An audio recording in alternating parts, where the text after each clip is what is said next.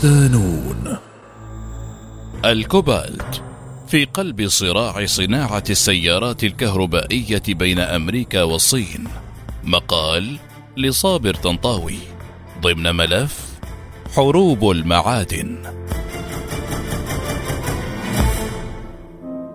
تعاظمت أهمية معدن الكوبالت مع التحول الطاقوي الذي ينشده العالم هروبا من مخاطر الانبعاثات والتغيرات المناخية كونه أحد المصادر الرئيسية المستخدمة في توليد الطاقة النظيفة إذ يتميز بصلابته واستقراره ومقاومته للتآكل فضلا عن خصائصه المقاومة لدرجات الحرارة المرتفعة.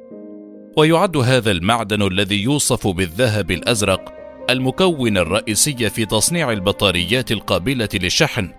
وفق التقرير الصادر عن مؤسسة فيتش سوليوشنز العالمية للدراسات الاقتصادية الذي كشف عن التأثير القوي للكوبالت في مستقبل صناعة الاتصالات والإلكترونيات بصفة عامة، ما جعله ساحة جديدة للتنافس بين القوى الاقتصادية الكبرى. ومنذ عام 2016 دخل الكوبالت كأحد المعالم دخل الكوبالت كأحد المعارك المهمة في الحرب الاقتصادية بين القوتين الولايات المتحدة والصين ففي هذا العام استحوذت بكين على شركة فريبورت ماكموران الأمريكية التي تستحوذ على واحد من أكبر مناجم الكوبالت في العالم بجمهورية الكونغو الديمقراطية. وأبرمت معها صفقة هيمنت من خلالها على المنجم الكونغولي لتفرض كامل سيطرتها على إمدادات الكوبالت العالمية. وهو ما أثار حفيظة صانع القرار الأمريكي الذي استشعر الخطر إزاء تمادي النفوذ الصيني في سوق المعادن الاستراتيجية بما يهدد المصالح الأمريكية مستقبلا. فماذا عن هذا المعدن الحيوي؟ ما هو الكوبالت؟ يرمز للكوبالت ب CO وعدده الذري في الجدول الدوري 27 ويدخل ضمن مجموعة الحديد التي تشمل معها النيكل في ثلاثية واحدة. نظرا للخصائص المشتركة بينهم في الصلابة والمقاومة الكبيرة، وهو عنصر فلزي كيميائي ذو لون أبيض فضي، ويوجد في القشرة الأرضية بكميات ليست بالكبيرة، كما يظهر في مركبات مشتركة من الزرنيخ أو الأكسجين أو الكبريت. يعود اكتشاف الكوبالت إلى عام 1735 على يد العالم السويدي جورج برانت الذي عاش بين 1694 و 1768 ميلادية ولم يكن معروفا في ذلك الوقت كما أن خصائصه لم تكن واضحة بصورة كاملة. ما جعل برانت يسميه بداية الأمر شبه فلز. ما جعل برانت يسميه بداية الأمر شبه فلز. وكان أزرق اللون لذا استخدم ابتداء في صناعة الزجاج. وأثبت الباحثون أنه كان موجودا قبل قرون طويلة لكنه كان ممزوجا بالبزموت. ومن ثم يصنفه الكيميائيون بأنه أول فلز يكتشف منذ الأزمنة القديمة. لم يكن الكوبالت بالمعدن المغري لشركات التعدين قديما خاصة أنه لم يكن متوافرا بكميات كبيرة. ففي القرن التاسع عشر نقل الجزء الأكبر منه إلى النرويج وهو ما أثر عليه بصورة ملحوظة حتى تعرض لغياب شبه تام عن خريطة التعدين في القارة الأوروبية. لكن اكتشافه مجددا عام 1904 في كندا ثم 1914 في الكونغو الديمقراطية بكميات كبيرة دفع العالم للاهتمام به مرة أخرى رغم الانتقادات التي تعرض لها بسبب اعتبار صبغته شديدة السمية ما دفع لاستحداث طرق متطورة لإعادة تدوير مواد الكوبالت. وبعد الحرب العالمية الثانية أولت الولايات المتحدة أهمية كبيرة لهذا المعدن بعد اتساع دائرة استخداماته لتصل إلى الصناعات العسكرية. وبدأت بالفعل في إجراء عمليات تنقيب متعددة في ولاية أيداهو بالقرب من بلاك بير كانيون في جانب أحد الجبال. وبدأت شركة كاليرا للتعدين الإنتاج في الموقع. الأهمية الاستراتيجية. خلال السنوات العشر الماضية ظهرت مجالات عدة لاستخدامات الكوبالت. فبعيدا عن استخدامه لإكساب الزجاج والسيراميك اللون الأزرق إذ ينسب البعض للفراعنة استخدامه في التماثيل التي صنعوها كما استعمله الفرس في الألف الثالث قبل الميلاد لصناعة المجوهرات. وكذلك الصينيون وغيرهم فإن له استخدامات أكثر تطورا. ومن أبرز الاستخدامات التي زادت من أهمية الكوبالت ودفعت العالم للاهتمام به والبحث عنه دوره الكبير في صناعة بطاريات الهواتف الذكية وغيرها من الأجهزة الإلكترونية المحمولة والسيارات الكهربائية. كما استعمل في اللوحات الرقمية وتحول هذا المعدن إلى محط اهتمام كبرى شركات التعدين العالمية بجانب التنافس الذي يحظى به من شركات الاتصالات والإلكترونيات بعدما بات لاعبا اساسيا في هذا المضمار. ورغم أهميته الاستراتيجية فإن عملية إنتاجه تواجه العديد من العقبات أبرزها عدم خضوعه لتعليمات سوق التجارة فهو غير مدرج على قائمة المعادن المتسببة في الصراعات الدولية كالذهب والنيكل والقصدير وخلافه وهو ما يضفي التعقيد على عملية الاستخراج والتنقيب ومن ثم التبادل التجاري بين البلدان وهي المعضلة التي تحاول شركات التعدين حلها لإنعاش سوق الكوبالت بعد تصاعد أهميته وارتفاع أسعاره بشكل جنوني خلال السنوات الأخيرة. ويستغل قرابة 25% من إجمالي الكوبالت المنتج عالميا في صناعة المغانط إذ يسهم بشكل كبير في السبائك والفولاذ حيث يشكل ما بين 20 إلى 40% من حجمها بما يؤهلها للاستخدام في صناعة النحاس والألمنيوم وهي التي تستخدم في صناعة الأجهزة الكهربائية. أما السبائك التي تحتوي على 60 إلى 65% من الكوبالت فتستخدم في صناعة الإلكترونيات. خريطة الإنتاج يبلغ إنتاج العالم من الكوبالت نحو 140 ألف طن وفق تقديرات 2019 فيما تتصدر جمهورية الكونغو الديمقراطية قائمة المنتجين بمئة ألف طن بما يمثل أكثر من 70% من الإنتاج العالمي للمعدن النفيس حيث تحتوي مقاطعة كاتانغا الكونغولية على أكبر مناجم الكوبالت في العالم كما أنها تملك الحصة الكبرى من الاحتياطي العالمي الذي يبلغ سبعة ملايين طن متري فاصل واحد وفق تقديرات هيئة المسح الجيولوجي الأمريكية. وتأتي روسيا في المرتبة الثانية بإنتاج يبلغ ستة آلاف طن فاصل واحد بما يمثل نحو أربعة بالمئة فقط من الكوبالت المنتج عالميا ويتركز هذا المعدن في منطقة جمهورية ألتاي التي يوجد بها منجم كاراكول كما يمتلك الروس حجم احتياطي يبلغ 250 ألف طن في ظل مساعي الدولة لتعزيز إنتاجها من المعدن خلال السنوات المقبلة نظرا للطلب الزائد عليه. وفي المركز الثالث تأتي أستراليا بحجم إنتاج يبلغ خمسة آلاف طن فاصل واحد بما يمثل 3.6% من الإنتاج العالمي إلا أنها تمتلك ثاني أكبر احتياطات للكوبالت في العالم بعد الكونغو الديمقراطية التي تبلغ مليونا فاصل اثنين تليها الفلبين في المركز الرابع بحجم إنتاج بلغ أربعة آلاف طن فاصل ستة بما يمثل نحو ثلاثة فاصل ثلاثة بالمئة من الإنتاج العالمي ورابع أكبر احتياطي في العالم يبلغ 260 ألف طن. وتحل كوبا خامسا بإنتاج يبلغ ثلاثة آلاف طن فاصل خمسة بنسبة 2.5% من الإنتاج العالمي فيما تملك ثالث أكبر احتياطي الذي يبلغ 500 ألف طن ويوجد معظمه في منطقة موا شرق البلاد. ثم مدغشقر سادسا بحجم إنتاج بلغ ثلاثة آلاف طن فاصل ثلاثة بما يمثل نحو 2.4% من الإنتاج العالمي للكوبالت. ويقدر احتياطي الدولة من هذا المعدن بمئة وعشرين ألف طن. ويتركز في مشروع أمباتوفي لتعدين النيكل والكوبالت الذي تبلغ تكلفته نحو ثمانية مليارات دولار.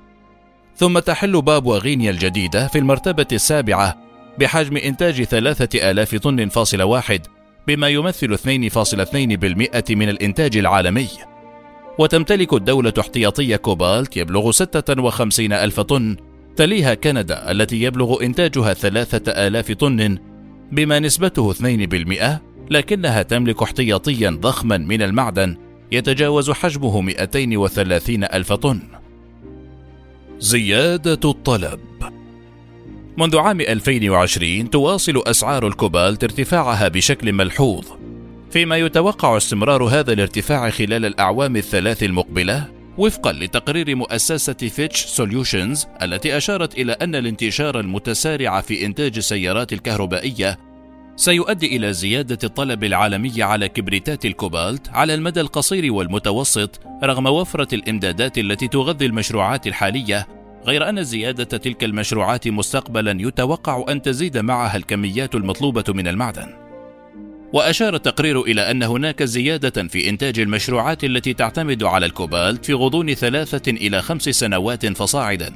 وعليه فإن الأسعار ستواصل تصاعدها نتيجة تسارع وتيرة الطلب منوها أن ثورة البطاريات ستحدد اتجاهات إنتاج الكوبالت الذي من المتوقع أن يحول إلى أشكال كيميائية تستخدم في البطاريات القابلة للشحن بدلا من الاستخدام في الصناعات الأخرى.